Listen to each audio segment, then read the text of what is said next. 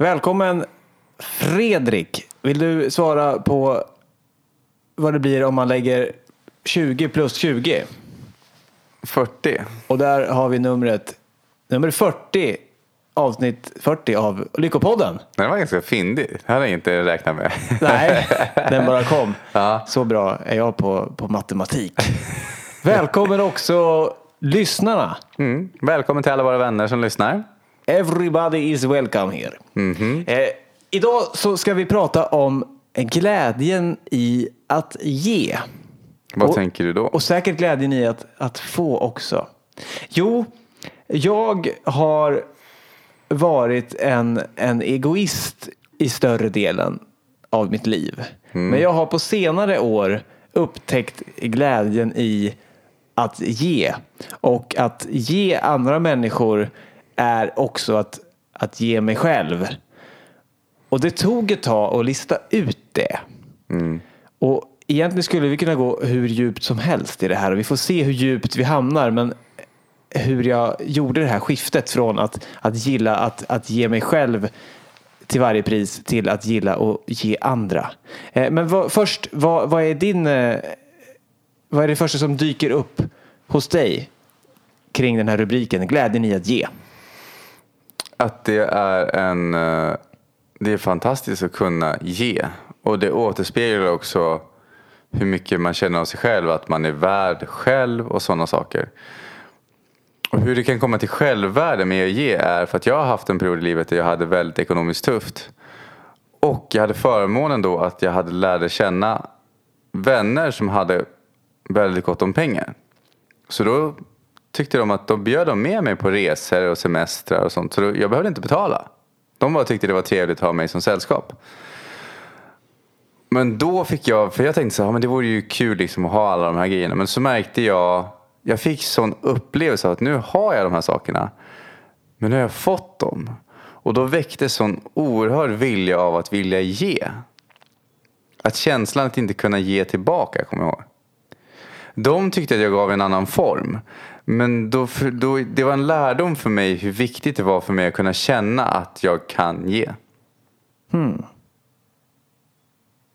Kan, kan det här... äh, Jag tänker så här, om jag vill ge någonting till dig, då kommer ju den gåvan, transaktionen, cirkeln bara att bli fullständig och sluten om du har förmågan att ta emot det. Jag ska, jag ska ta, jag har ju faktiskt ett målkort som jag läser varje dag. Ja. Och på det målkortet så har jag olika mål som jag vill förverkliga. Ett målkort, vad, vad är det då? Ett målkort är egentligen att man skriver upp på ett kort. Alltså ett kort, alltså det är väl mer än ett mindre, A, mindre än ett A4 då. Uh, någonting som man kan ha med sig i fickan. Och då skriver jag upp vad jag vill förverkliga och hur jag vill leva. Så att jag sen kan växa och bli den personen som lever det livet. Och då skriver du upp varje dag. Nej, alltså jag har skrivit upp hur jag vill leva om till exempel ja, några år. Ja. Hur jag vill bo, vad jag vill ha. Liksom hur vill jag... Framtidsvision liksom. Ja, men framtidsvision. Hur vill jag bidra till världen? Och sen så skriver jag då i, i slutet av kortet i utbyte mot det så ge, vad heter det? Aha.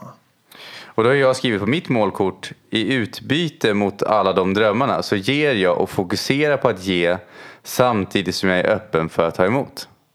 Okej. Går det och vill du berätta om det? Eller ibland så säger vi att när vi är mitt inne i pågående processer så är det inte alltid vi, vi delar dem för vi vill komma ur dem först. Men vill du berätta om vad du har för process just nu kring, kring det här målet och givandet? Målet och givandet för mig handlar framför allt om att jag har provat mycket men när man fokuserar på att ta, ta, ta. Ja, du kanske får mycket men jag upplever att i slutändan så ger det mig mer om jag fokuserar på ge och samtidigt är öppen för att ta emot. Alltså det gör mer långvarig lycka för mig. Jag tror de gjorde en undersökning på det. Jag vet inte exakt liksom, forskningsmässiga grejerna på det. Men då, hade de, då gav de pengar till olika personer.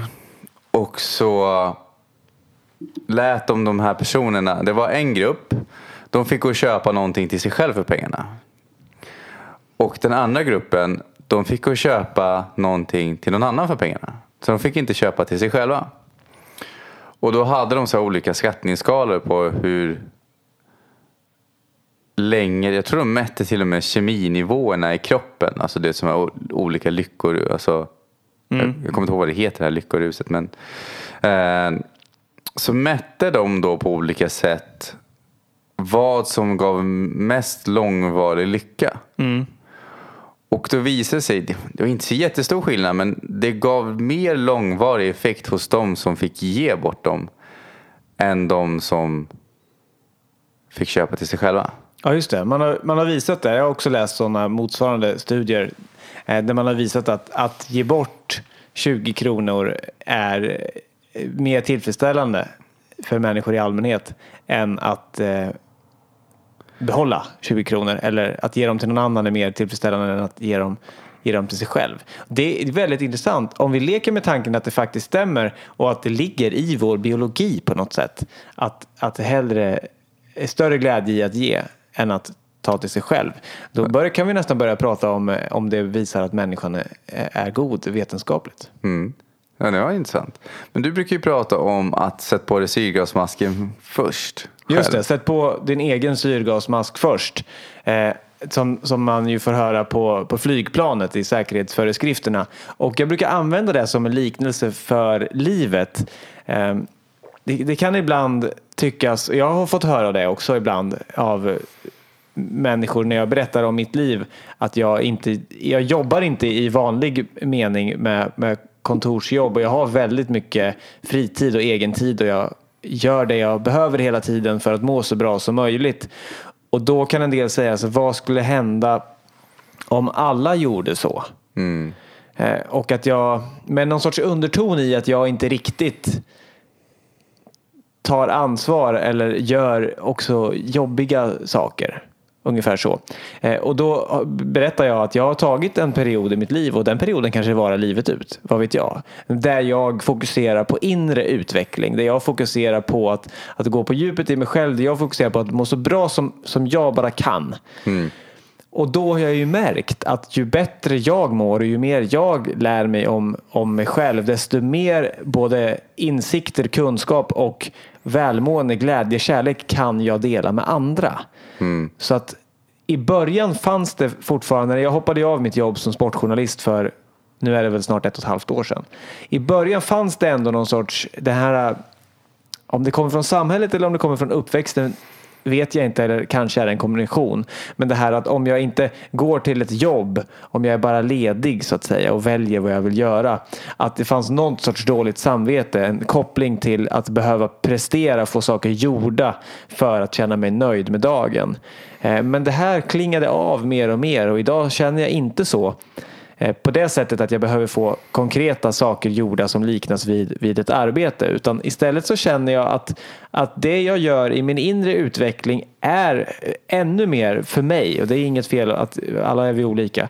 Men för mig så, så, känner, det mig, eh, så känner jag mig ännu mer värdefull när jag arbetar med mig själv. För då sätter jag på min egen syrgasmask först och då kan jag bidra och ge till andra. Och glädje har man också visat vetenskapligt. Glädje sprider sig faktiskt mot vad man kanske kun, skulle kunna tro. Och säkert finns det någon forskning som visar tvärtom också. Men eh, mitt perspektiv här är att, att glädje sprider sig faktiskt mer. Glada nyheter sprider sig mer är negativa eh, för att människor tycker om att berätta om glada nyheter. Så att om jag träffar dig och berättar om något kul så träffar du någon kompis och berättar om det. Och så sprids det vidare. Så att man kan faktiskt påverka många människor bara genom att vara glad. Och även människor som du inte ens träffar. För att jag träffar någon som träffar någon som träffar någon och glädje sprider sig i flera led. Vänners vänners vänner eller hur man pratar om. Vi Så kan ju att, ta det här att man gillar, ju, rek- man gillar ju att rekommendera saker man tycker om. Ja, precis. Och det är det man vet också att, att eh, i, i marknadsföring och sådär hur viktigt det är att ha, ha glada kunder och göra kunden nöjd för att den kunden kommer sprida det vidare om, det, om det är bra. Så att det, jag tycker att det är bara, alltså man gör ett fullgott eh, samhällsarbete, eh, samhällsbidrag bara genom att vara glad egentligen. Faktiskt. Tänk om alla i världen samtidigt fokuserar på att ta hand om sig själva. Ja. Och, och då kommer man, för då skulle man ju, ja, men det finns ju ändå en, en logisk rationell poäng i när, någon säger till mig att tänk om alla gjorde som du.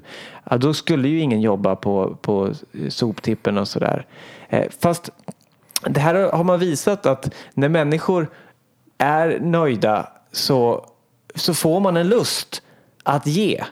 Och, och då är man ju redan nöjd vilket gör att man har inte så mycket eh, krav på exakt på vilket sätt jag ska ge utan jag kan tänka mig att ge där det behövs för jag är ju redan nöjd och då hjälper jag ju hellre till med disken som du behöver ha hjälp med istället för att skruva upp en tavla som du inte behöver för det kan du, den, du kanske inte vill ha några tavlor.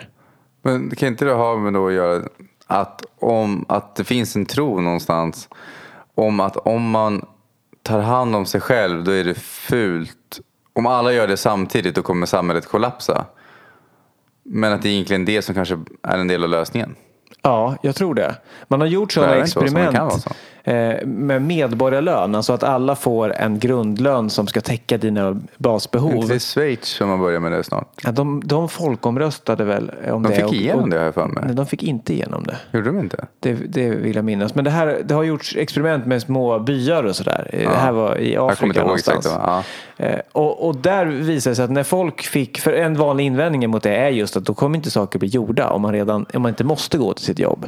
Men då visar det sig att det ideella arbetet Eh, fick ett, ett uppsving. Så då folk vill, ty, tyder det på. Och det här är min egen erfarenhet också. Det här är bara undersökningar som visar att, att det verkar vara så i större skala. Men min egen erfarenhet är också att, att när jag inte behöver vara rädd för min egen överlevnad och när jag redan är nöjd, då vill jag hjälpa till och jag vill göra saker och då gör jag det från en plats av nöjdhet. Och från en plats av nöjdhet så går du inte och bränner ut dig. Mm. Så att det, då kommer vi väl in på den här andra sidan av, av att ge.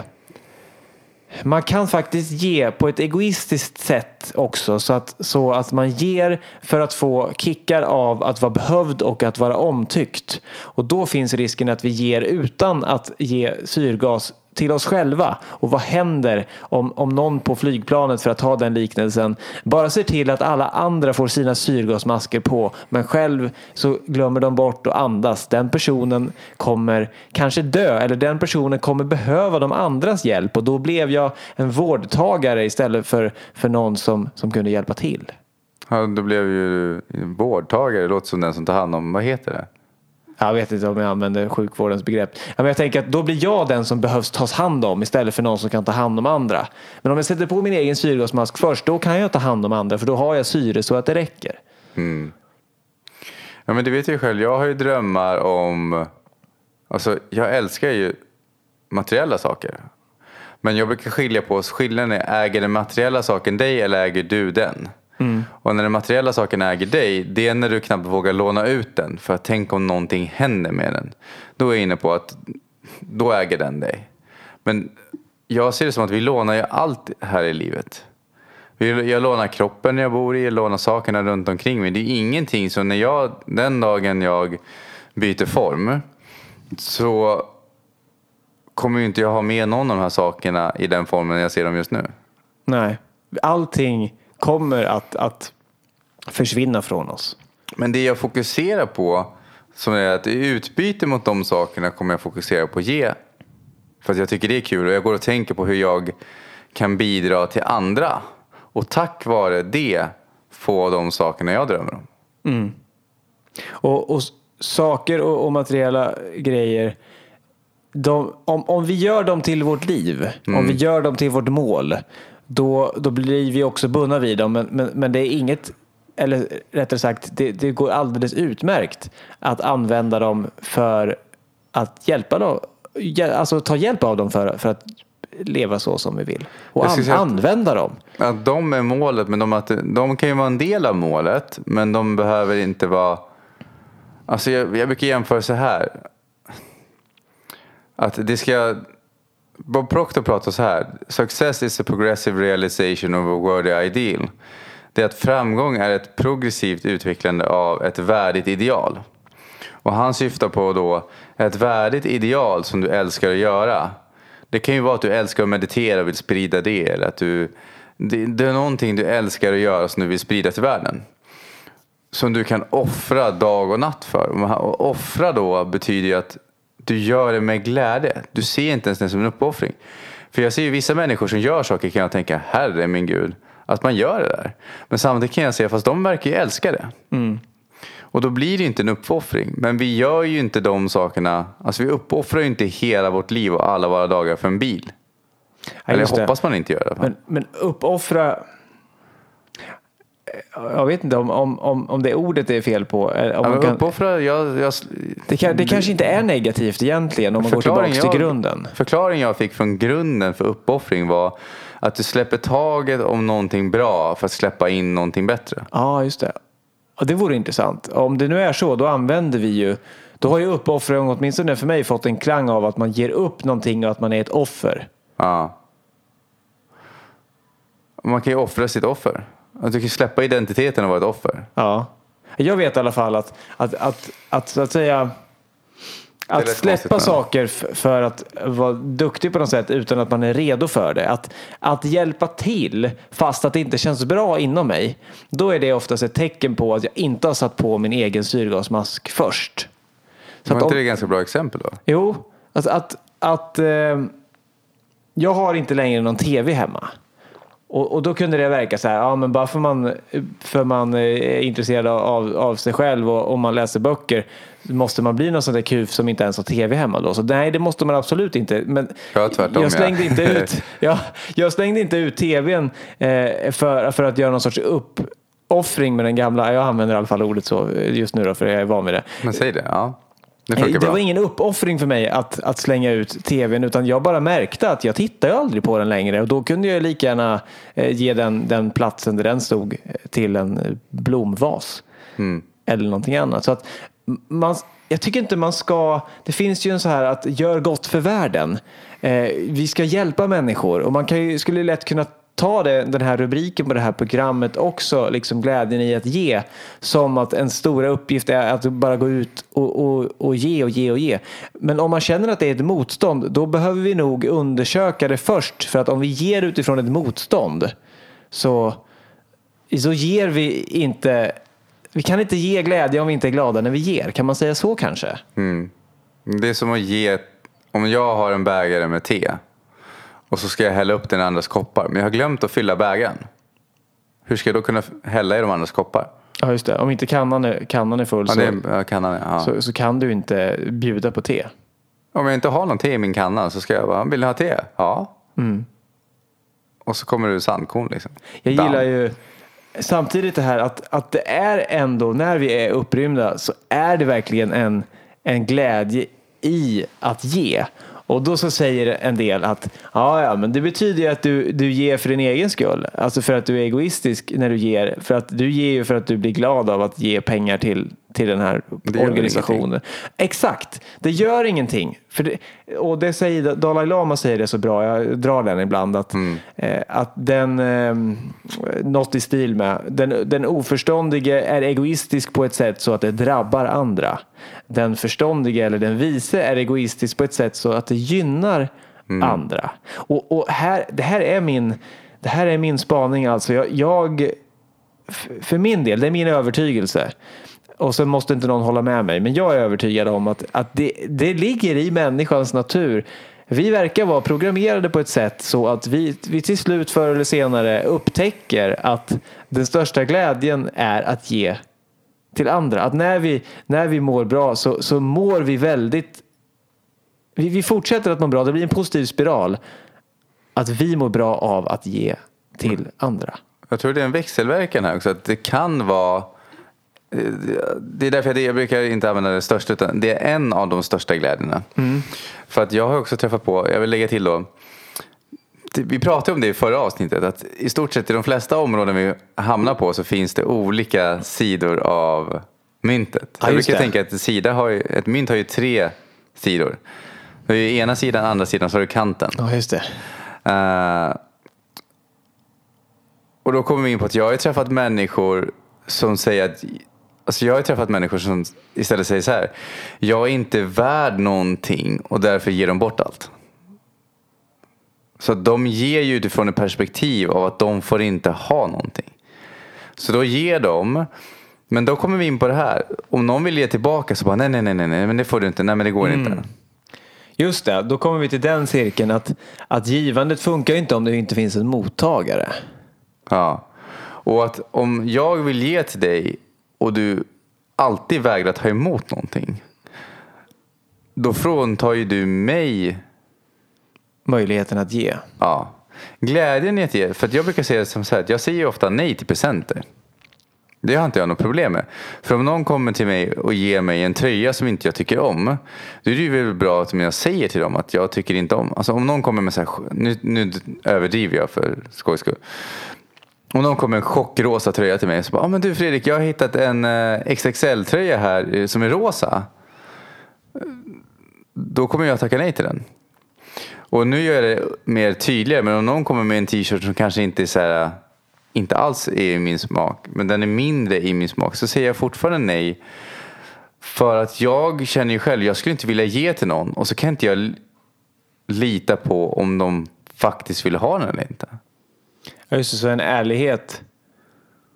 Ja, men om vi undersöker det då. Du får en tröja som du inte tycker är så fin så att du vill använda den. Ja. Då lämnar jag tillbaka den. Då lämnar du tillbaka gåvan. Ja. Och du säger som det är. Att den här tröjan är inte i min, i min smak. Men jag är glad för att du gav den Ja, till jag, mig. jag visar ju fortfarande att jag är tacksam. Alltså då är det mer som om jag får en present, låt säga som sist. Jag fick en, sist fick jag en pikétröja. Och sen när jag kom hem och provade den så bara, alltså, jag känner mig som ett tält i den här liksom. Den känns inte bra. Uh, men då lät jag den hänga några dagar och så provade jag den efter några dagar igen. För att tänka, eh, var det bara mitt humör just då? Och så provade jag den efter några dagar igen så bara, nej. Nej, det känns fortfarande inte bra alltså. Och då berättade jag för personen att jag har provat den och kände att den inte passade. Och föreslog då att ska vi gå tillsammans och kolla på en ny. Mm, det, var, det var ett bra sätt. För att annars skulle man kunna tänka sig då om vi inte går så djupt i den situationen att, att du genom att, att tacka nej till presenten stannar upp cirkeln, stannar upp samspelet. Att vi behöver ha en mottagare för att för att låta någon ge. Men det, jag blir ju mottagare men jag blir bara en tydligare mottagare som förklarar vad jag vill. Just det. Jag blir tydlig. Om den personen då hade tyckt att du blev, blivit sur på dig Mm. för att du eh, inte tog emot presenten. Ja. Hur, hade vi, vad ser, hur ser vi på det? Jag ser det ju som att jag försöker såklart så ödmjukt som möjligt för att jag är fortfarande väldigt tacksam för själva gåvan. Och då försöker jag på ett tydligt sätt visa vad jag vill ha istället. Och då sen hur den andra personen hanterar det är det ju fortfarande upp till dem. Jag kan ju ta 100% ansvar för mig och den andra personen tar 100% ansvar för sig. Just det. Ja, det, det, det, känns som ett, ett högt överlagt utvecklat sätt att, att se på presenter. Och just då att, att du tar emot den och, och faktiskt vågar specificera vad du hade önskat istället gör ju det faktiskt möjligt för den här personen att, att, att ni tillsammans fullföljer gåvocirkeln och att ni kommer till, till en eh, en situation där, där den personen kan få, få hjälp att ge på ett sätt så du gillar det.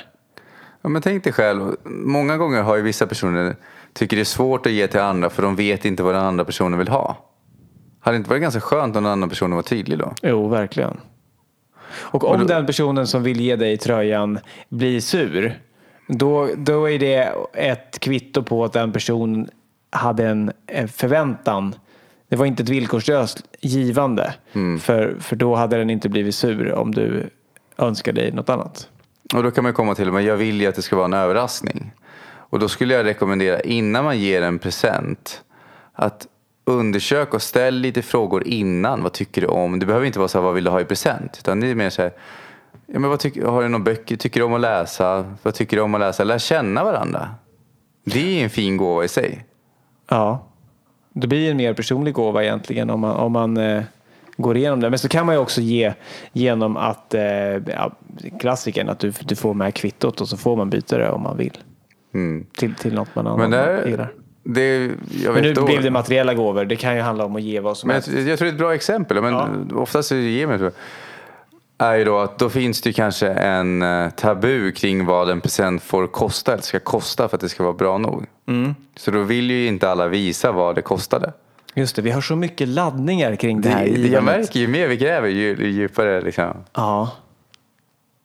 Men, men eh, jag tycker det är intressant att, att utforska de här att, att det är en, en gåva att ge och det är en gåva att ta emot också för då ger jag någon möjligheten att ge till mig. Ja. Jag kommer att tänka på när jag var barn och man skjutsade varandra till olika platser eller föräldrarna skjutsade och sen så, så vet jag alltid att eh, typ mamma ville erbjuda bensinpengar till, till, till den som skjutsade. Och så sa jag, här, men här får du bensin och det var inte bara hon, det var ju alla gjorde det. Eh, och, och, och så då sa föräldrarna, den som körde då, så, nej, nej, nej, nej, men det behöver jag inte ha. Det jämnar ut sig och det var så lite så. Men det var som att, att det ändå fanns en kultur, en, en, eh, överens, en, en undermedveten överenskommelse att, att man skulle erbjuda den som körde bensinpengar men det var aldrig någon som ville ta emot det.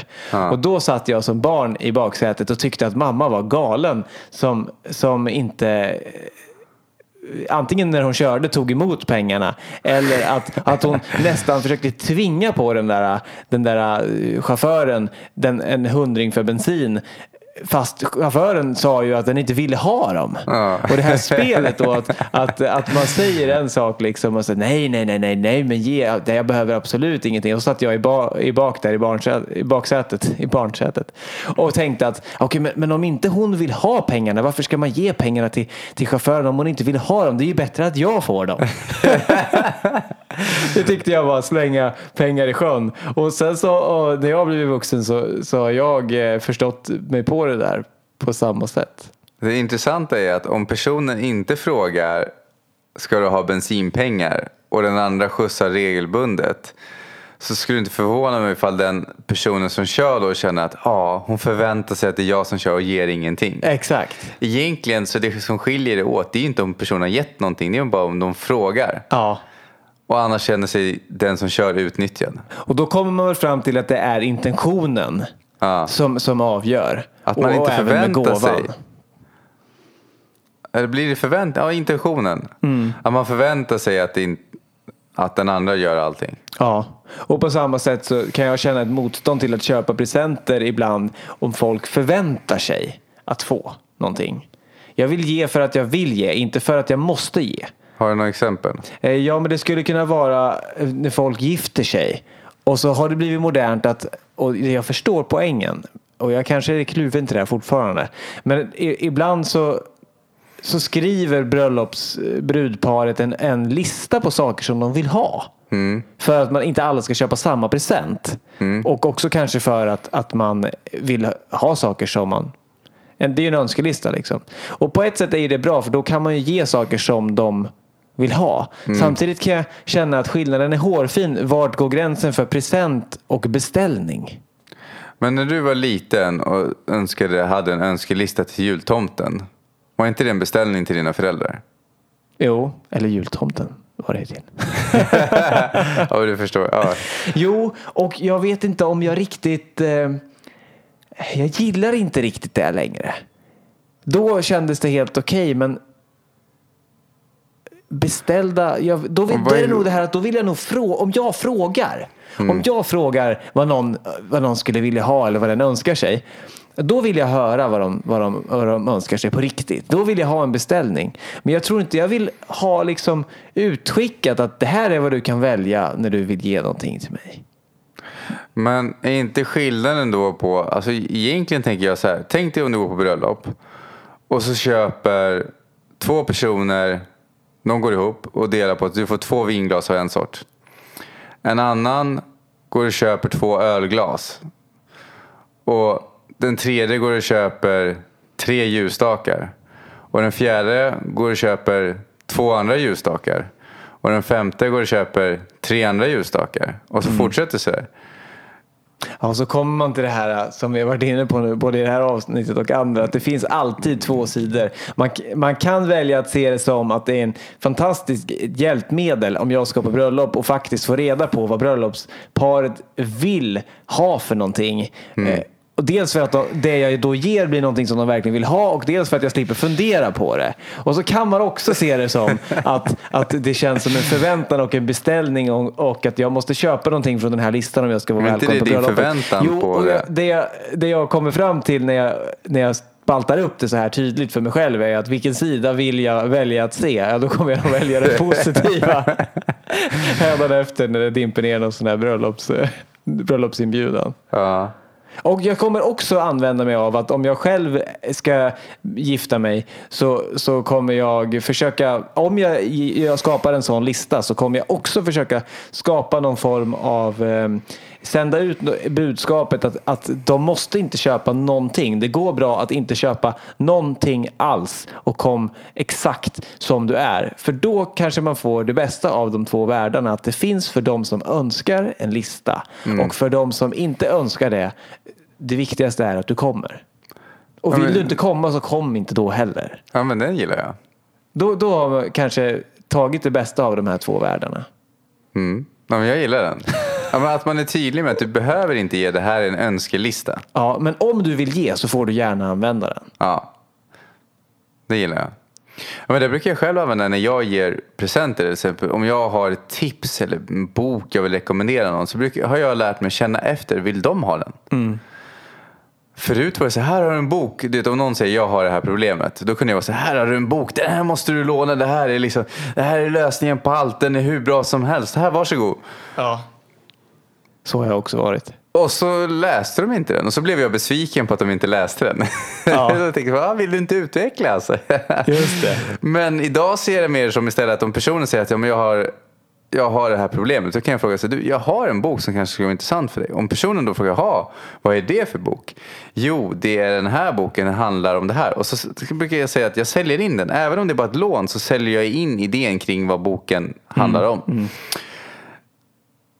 Och då frågar personen, är det så att du vill låna den så kan du göra det. Och är det så att du inte känner för just nu så behöver du inte det. Mm, typ den, den, finns här om, om du vill. Och det roliga är att i hälften av fallen så har jag märkt att personen bara, åh tack, ja, nej men jag har ingen lust. Mm, mm. Och då besparar det mig energi för att jag slipper låna ut böcker i onödan. Och jag ger mig in i förväntningar som är helt onödiga. Mm. För det är inte alls vad den personen kanske behöver. Den kanske behöver en kram, vem vet? Ja, det känner jag igen. Just det här att man vill att någon ska läsa en bok och så vill du inte utvecklas. Särskilt om det är ens, ens partner. Då. Och så inser man egentligen att okay, anledningen till att jag vill ge den här boken till min partner det är ju att jag vill att min partner ska ändra på sig. Ja. Men då är frågan, vart går gränsen när man vill hjälpa sin partner genom att ge en bok och när man själv tycker att de ska förändras? Ja, ja men det, det, då kommer man ju till det att, att alltid nyfikenheten på sig själv är det viktigaste. Alltså varför vill jag ge? Eller varför vill jag inte ta emot? Mm. Är ju också en, en lika, lika viktig fråga. Eller varför ger jag bort allt jag har så att jag inte har någonting kvar? Ja, varför tycker jag inte är, varför tycker inte jag att jag är värd att ha? Ja, och sen så har jag träffat människor som har fördomar också kring att det är fult att vara materialistisk. Mm. Att uh, du är typ mindre andlig om du har en storbilds-tv. Mm. Utan du... Och så är det ju. Ja. uh, är det så? Nej, det, det har nog absolut ingen, ingen koppling till det. Mm. Uh, en grej som jag kommer att tänka på som jag sa i början är att så får vi se hur djupt det här kan gå. Och då, det jag syftar på då är att, att jag har varit den som har satt på min egen syrgasmask först i, i större delen av mitt liv. Eller alltså i, jag är ju vad är jag, 28 år nu. Och eh, alla, fram till två år sedan då hände något skifte. Liksom. Och det var för att jag blev så uppfylld i, och, i mig själv. Så sen dess så när jag kom över de här meditationsverktygen och sådär så då lyckades jag fylla någon sorts tomrum och, och förra avsnittet handlade om ensamhet och sen dess så kan jag ha stunder av ensamhet men det är inte alls på samma, på samma sätt. Det hände någonting väldigt djupt i mig då som har gjort mig till en mycket mera eh, hel människa helt enkelt. Eh, och då skulle jag nog säga att fram jag höll på och jag kämpade med min egen syrgasmask i, i 27 år. Eller 26 år. Till slut så satt den där. Och först då kunde jag på riktigt börja, börja ge. Och anledningen då till, eh, i alla fall i, i mitt fall, så är det det jag kommit fram till i min resa. Till att jag fokuserade på att, att sätta på min egen syrgasmask först. Att ge till mig själv först hela tiden. Det var en djupt liggande undermedveten vilja att, eller en undermedveten övertygelse, illusion egentligen, att jag inte var älskad fullt ut så mycket som jag ville. För att jag en gång i barndomen hade uppfattat det som att jag inte var älskad fast att jag egentligen var det. Och det, det kan du berätta den historien. Eh, ja, i, i, korthet. Jag har nog kanske varit inne på den och, och jag kan berätta den någon annan gång i något annat sammanhang i sin helhet. Men, men jag fick upp ett minne en gång när jag eh, frågade min mamma vem av mig och min bror som hon älskade mest. Och jag kanske var fem år eller något sånt där. Och hon svarade att hon, hon älskar oss båda lika mycket. Och det var ju ett fantastiskt svar och det är också sanningen. Hon älskar oss båda lika mycket och en mamma älskar sina barn. Eh, av biologi villkorslöst vill jag påstå. Men, men jag kunde inte förstå Nej. det för jag ville höra att jag var nummer ett. Jag ville höra att jag var mest älskad. Så att jag, jag, jag försökte, ja, men du måste svara liksom, vem? Du kan inte säga båda. Vem? Vem älskar du mest? Men hon, nej, hon sa ju båda. Så att där hade jag från när jag var liten ett, sen ett lagrat minne, ett så kallat unfinished business. Där jag var sårad över att inte vara nummer ett. Alltså trodde jag inte att jag var älskad så mycket, så mycket som jag behövde. Mm. Eh, och, och det här då gjorde att när jag inte fick den kärleken, alltså det var ju en illusion, det var ju inte sant. När jag inte trodde att jag fick den kärleken jag behövde från min mamma, när jag inte uppfattade det, då började jag ge kärlek till mig själv istället.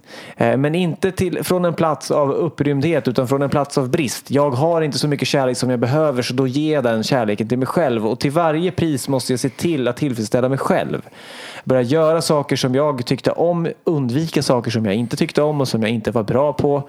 Eh, om det serverades eh, mat så, så ville jag ha den största portionen för det var ju viktigast att jag blev mätt. Jag såg hela tiden till mina behov, egna behov främst. Och, och till slut då så, så, så ledde det till långt nu senare som, som vuxen i livet att, att jag kom på det här minnet. Och att jag förstod att jag varit älskad så mycket som det bara går. Så mycket som en mamma kan älska eh, sina barn och att man inte gör skillnad eh, på, på sina syskon. Att det det är fullt möjligt så att säga bildligt talat, vi, vi, var båda nummer ett. Både jag och min bror var nummer ett.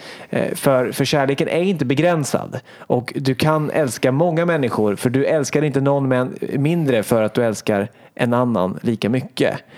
Men hur tänker du då på föräldrar där de prioriterar andra barnen som är mindre jobbiga? Eh, det, det skulle kunna vara då att eh, att man har en upplevelse av att det ena barnet kanske får mindre uppmärksamhet. Eh, och det kan också vara naturligt beroende på hur gammal man är. Och det är väl det vanliga då att, att om man har barn med, med kort eh, tid emellan. Eh, ett barn som bara är lite grann äldre än det andra. Så, så när man får barn nummer två så kommer ofta barn ett i skymundan. Och att det egentligen också är naturligt för att ett, det minsta barnet behöver ju en, eh, ännu, ännu mera uppmärksamhet. Så att därför har de flesta människorna från tror... barndom någon form av upplevelse av att man inte älskat så mycket som man vill. Det tror jag. Men jag, jag, jag kan nog lägga till min åsikt kring föräldrar. Jag tror så här att många föräldrar har, utövar villkorlig kärlek. Jag tror inte det. Jag tror att vi föds med förmågan att ha villkorslös kärlek. Men på grund av de identiteter föräldrarna skapar under sin uppväxt så kan de inte utöva det mot andra som de inte gör det mot sig själva. Just det, ja, det tror jag helt och fullt på också. Eh, när jag säger att alla barn är villkorslöst älskade så, så menar jag egentligen i, i absolut form att, att bakom våra beteenden mm. eh, så finns det en, en villkorslös kärlek. Och bakom våra tankar. Ja, precis. Men det är inte säkert att vi, att vi klarar av att manifestera den villkorslösa kärleken. Eh, så hur som helst så när jag, när jag kom på det här minnet då, på en väldigt känslomässig nivå så, så lossnade det här och det var den här unfinished business, den här ouppklarade affären blev uppklarad i samma stund som jag förstod att mamma alltid hade älskat mig. Och då, först då egentligen så var min syrgasmask på. Mm. Då behövde jag inte kämpa längre. Jag behövde inte gama efter den största måltiden. Och jag, jag, jag kunde jag kunde börja se att det finns fler än jag här. Det låter som att jag skulle varit en monsteregoist och det, det, tror jag inte att folk känner mig som. Även om de nu skulle kunna skriva under på att jag har varit bra. Det kan vara en liten nyansskillnad bara. Ja, precis. Men, men har... någonstans, om jag ska välja, om jag har varit den personen som har, som har fokuserat mest på att ge eller mest på att ta, så har jag ändå varit den som har fokuserat mest på att ta. Jag har haft ett jobb som sportjournalist för att det var skitkul, inte för att hjälpa andra människor exempelvis. Men tror, eh. så det är bra att behålla en viss del av det? Ja, och jag tror att, att vi, jag tror, eh, min spaning är, eh, och samma där, jag säger inte att någon annan måste tro det här, men min, min övertygelse är att, att vi antingen blir mera av att hjälpa oss själva att se till vårt eget behov. Som ett resultat av att vi känner att vi inte är fullt älskade så försöker jag då som, som kompensationsbeteende, som försvar, som överlevnadsmekanism ge kärleken till mig själv istället. Mm. Och det finns två sidor av allt har vi varit inne på här. Den andra sidan av det här, som också beror på att vi har varit med om någon gång att vi inte är älskade fullt ut. Det behöver inte vara så tydligt som att Eller att vi upplever att vi kanske var älskade men ja, upplever precis. att vi, vi inte har en upplevelse av att vi inte är det. Det behöver inte alls vara så tydligt som i mitt fall att jag frågar min mamma vem, vem som är mest älskad. Det här kan vara det här kan ju vara att man har blivit lämnad på dagis av, av sin, sin förälder och man vet inte när de ska komma tillbaka så tror man att man är lämnad och övergiven. Och då mm. utvecklar man en försvarsmekanism för att ta hand om det så att säga. Och då det som är motsatsen, andra sidan av samma mynt som den historien jag har. Eh, det är då istället att man hjälper andra människor för att få deras bekräftelse på att man är värd någonting. Så min prestation, mitt, min hjälp till någon annan eh, är mitt sätt att älska mig själv genom andra människors bekräftelse. Och då kan jag exempelvis hjälpa människor, jag kanske hamnar i ett yrke, slentrianmässigt enkelt att komma på ett vårdyrke, ett serviceyrke. Mm. Eh, då vill jag lägga till, det finns ju de som är i vården för att de älskar att hjälpa människor på riktigt. Verkligen. Så, så det här är bara, så, det är bara ett exempel. Och då finns ju då risken att då blir man beroende av att få cred för det man gör. Och om man är beroende av att få ett visst mottagande för den gåva man ger, då kommer det från en plats av brist på syre. Då har man inte satt på sin syrgasmask först. Då får jag lägga till fler aspekter då. Ja. En av de tredje är personer som inte tillåter sig själva att få. Så de ger för att de inte själva får ha kvar någonting. Just det, och jag skulle säga att det ligger... Och då, får, då vill de inte ha cred heller. Då är det snarare så när man bara, men vad bra du var. Nej, men inte är väl jag. Alltså ja. de kan inte istället ta emot. Och jag, jag skulle säga att det, det, jag, jag lägger inte den som en tredje kategori. Jag lägger det som ett av symptomen på den här kategorin där man försöker ge eh, men då ger man ge inte för till andra. För att min kategori, att, att ge till sig själv, att hela tiden våga ta den största portionen när det serveras två, två tallrikar. Den kategorin har inte problem med att ta emot beröm. Mm.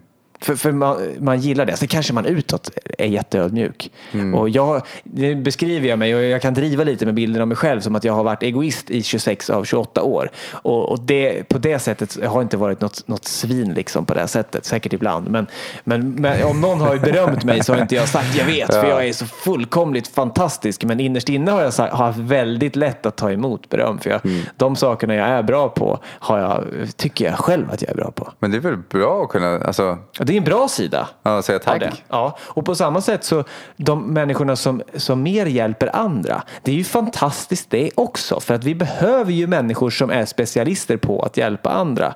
Eh, men sen så, det är som en livsresa. Nu blir det rätt så djupt. För att när man väl kommer på det här mönstret och, och eh, kan sätta på sin egen syrgasmask så att man har det här syret. Jo men då kan ju då jag som kommer från att ge mig själv en mm. sån bakgrund. Då, det är då jag upptäckte glädjen i att ge andra. Den glädjen som många andra redan har upptäckt. Och om den som har det motsatta, motsvarande beteendet att ge andra för att få. När den börjar ge sig själv, när den vågar ta emot beröm och när den, när den vågar ge sig själv då är den cirkeln sluten och då kan man få balans. Så den som bara gav andra kan också ge sig själv och jag som bara gav mig kan också ge andra. Och då hittar vi balans. Och för att hitta de här verktygen som man kan ge sig själv så har vi på Lyckopoddens hemsida olika boktips, videotips, kurstips och sådana saker som har hjälpt oss på den resan.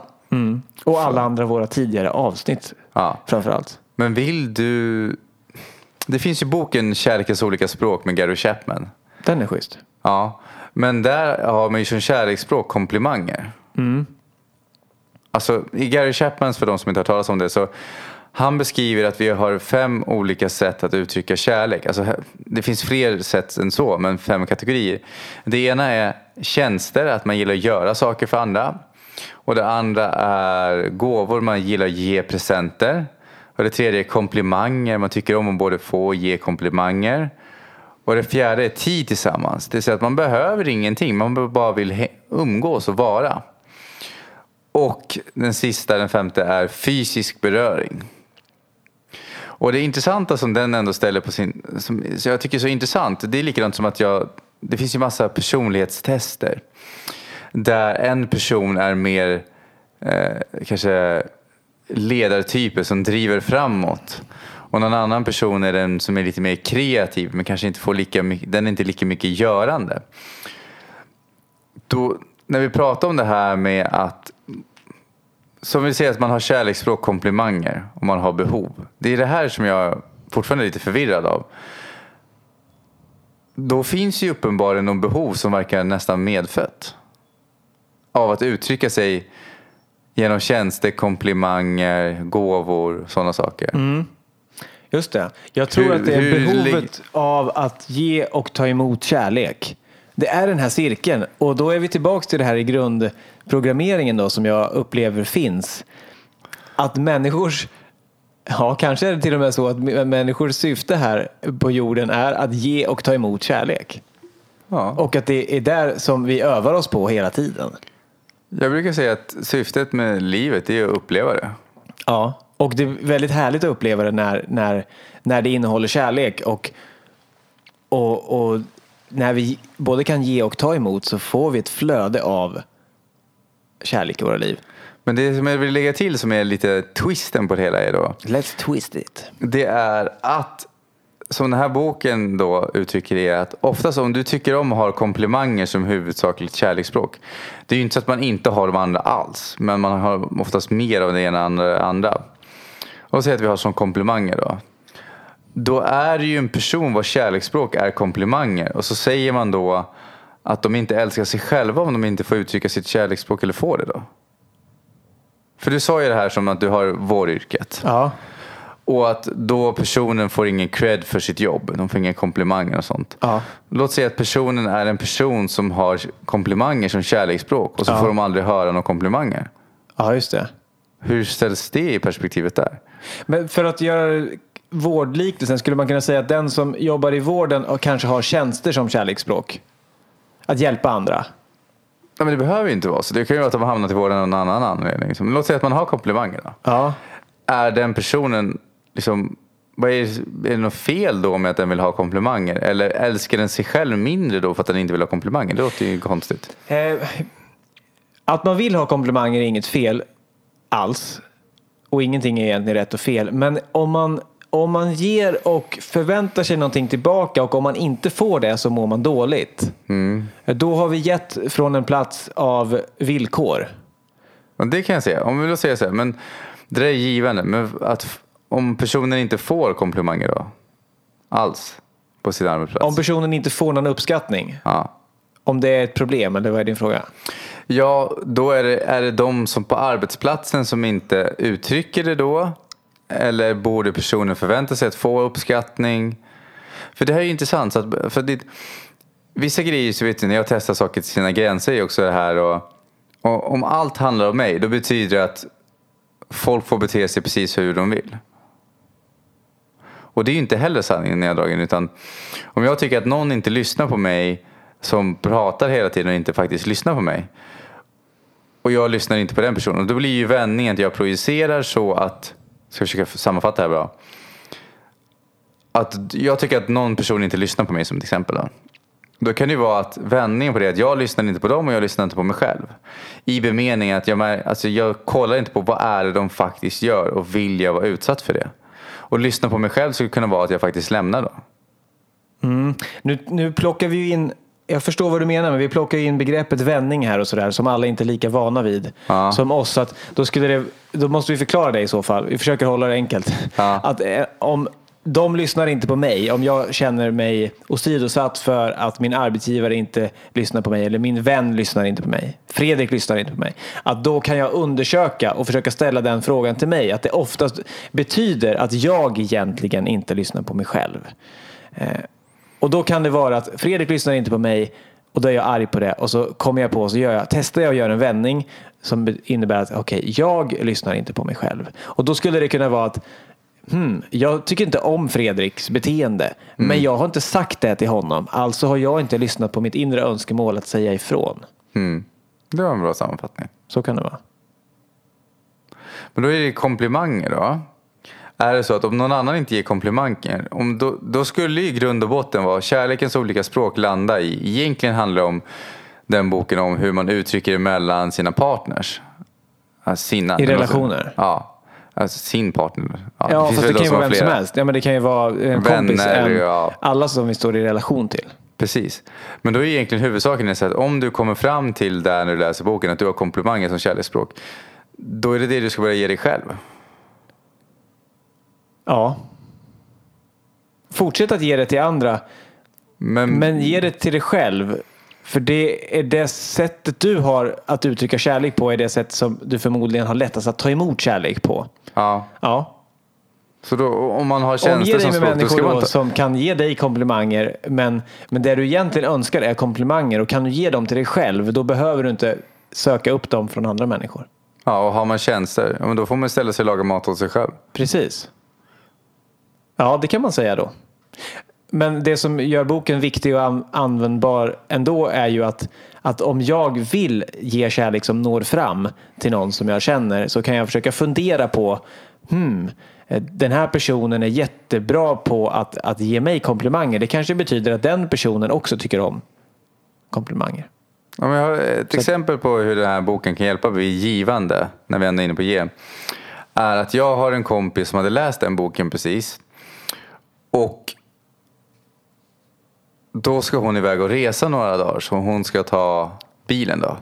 Och hennes man då, han bara går iväg ut i garaget. Och är i garaget äh, flera timmar. Alltså, och då har hon läst den här boken precis och insett att hon har ju tid tillsammans som kärleksspråk. Det betyder att enligt den här boken då, eller jag ska säga enligt min åsikt också då, är att för henne då är det ju väldigt viktigt att umgås. Hon behöver bara, precis innan hon åker, bara vill vara med sin man. Behöver inte göra något speciellt. Bara att de är tillsammans är viktigt för henne. Och då går ju han ut i garaget, så då är de ju inte tillsammans. Och då börjar hon bli mer och mer irriterad och arg. Jag tänker, jävla, ja ursäkta, pip pip, eh, idiot. Eh, förstår han inte, ursäkta att jag svor där. Eh, man får svära. Ja, men man får be om ursäkt också. Om man vill. Ja. Mm. Uh, och då var hon jätteupprörd till slut, för timmarna bara gick och till slut så var hon ju mer och mer eld och lågor över. Så då kom han, då liksom öppnar han dörren, kliver in i ingången och hon är precis beredd att liksom skälla ut honom efter noter när han säger älskling nu har jag tvättat bilen, jag har gjort all din packning. Han har liksom tvättat bilen på utsidan, på insidan, han har packat, han har fixat liksom det så att hon ska ha en så trevlig upplevelse som möjligt. Och hon står där och är beredd att skälla ut honom. Mm. Och inser mitt i allt att shit, han har ju tjänster som kärleksspråk. Han har ju stått alla timmarna där ute för att visa mig kärlek. Och här står jag och försöker, hon skällde ju inte ut honom då. För att hon förstod att, men gud, han är kärleksspråk. Men det viktiga var ju det som de lärde sig sen var att hon lärde sig sen då, som han hade kärlek som språk. Var ja, han hade tjänster som språk. Ja, tjänster som, kärlek som språk. var att hon behöver, om hon vill göra sin man riktigt glad när han kommer hem, då ska hon diska och torka av diskbänken. Mm. För det är en tjänst. Och då blir alltså det, han kan bli överlycklig över en sån sak. Mm. Ja, alltså, vi har ju faktiskt pratat om den här. Vi har väl till och med kanske gjort ett helt avsnitt om den. Kärlek men var inte det en av de första när vi pratade om julen? I början någonstans. Hur uttrycker du känslor i jul? Ett tidigt avsnitt. Ja. Men, men jag, jag, tycker ändå det, och då berättar den här historien då. Och jag tycker ändå att det är så bra att du gör det igen. För att jag vill komma tillbaks till det här hur många gånger som helst. För att det är så mycket lättare att, att förstå sig själv och andra människor. Och förstå hur mycket kärlek det finns där ute. Som kanske bara ges på ett sätt som vi inte är vana att se. Mm. Så att vi, då kan vi upptäcka all den kärlek som finns omkring Och när oss. vi ger och känner att vi inte får tillbaka. Är det så att vi ger på ett sätt som den andra inte, det är inte deras kärleksspråk. Och därför mm. kan de inte se det. Precis. Härligt givande eh, program om att ge. Ett givande program om givande. Mm. Eh, börjar eh, lida mot sitt slut, tycker jag. Eller vi, vi väljer det. Lida? Det börjar, börjar, vi rundar av vi detta rundar fantastiska, fantastiska program om givande. Det som stannar kvar i mig är just det som du just berättade om de olika kärleksspråken. Och så passar jag på igen att citera Dalai Lama igen. Kanske inte superoragrant, men hans essens är som jag uppfattar den. Eh, den oförståndige är egoistisk på ett sätt så att det går ut över andra.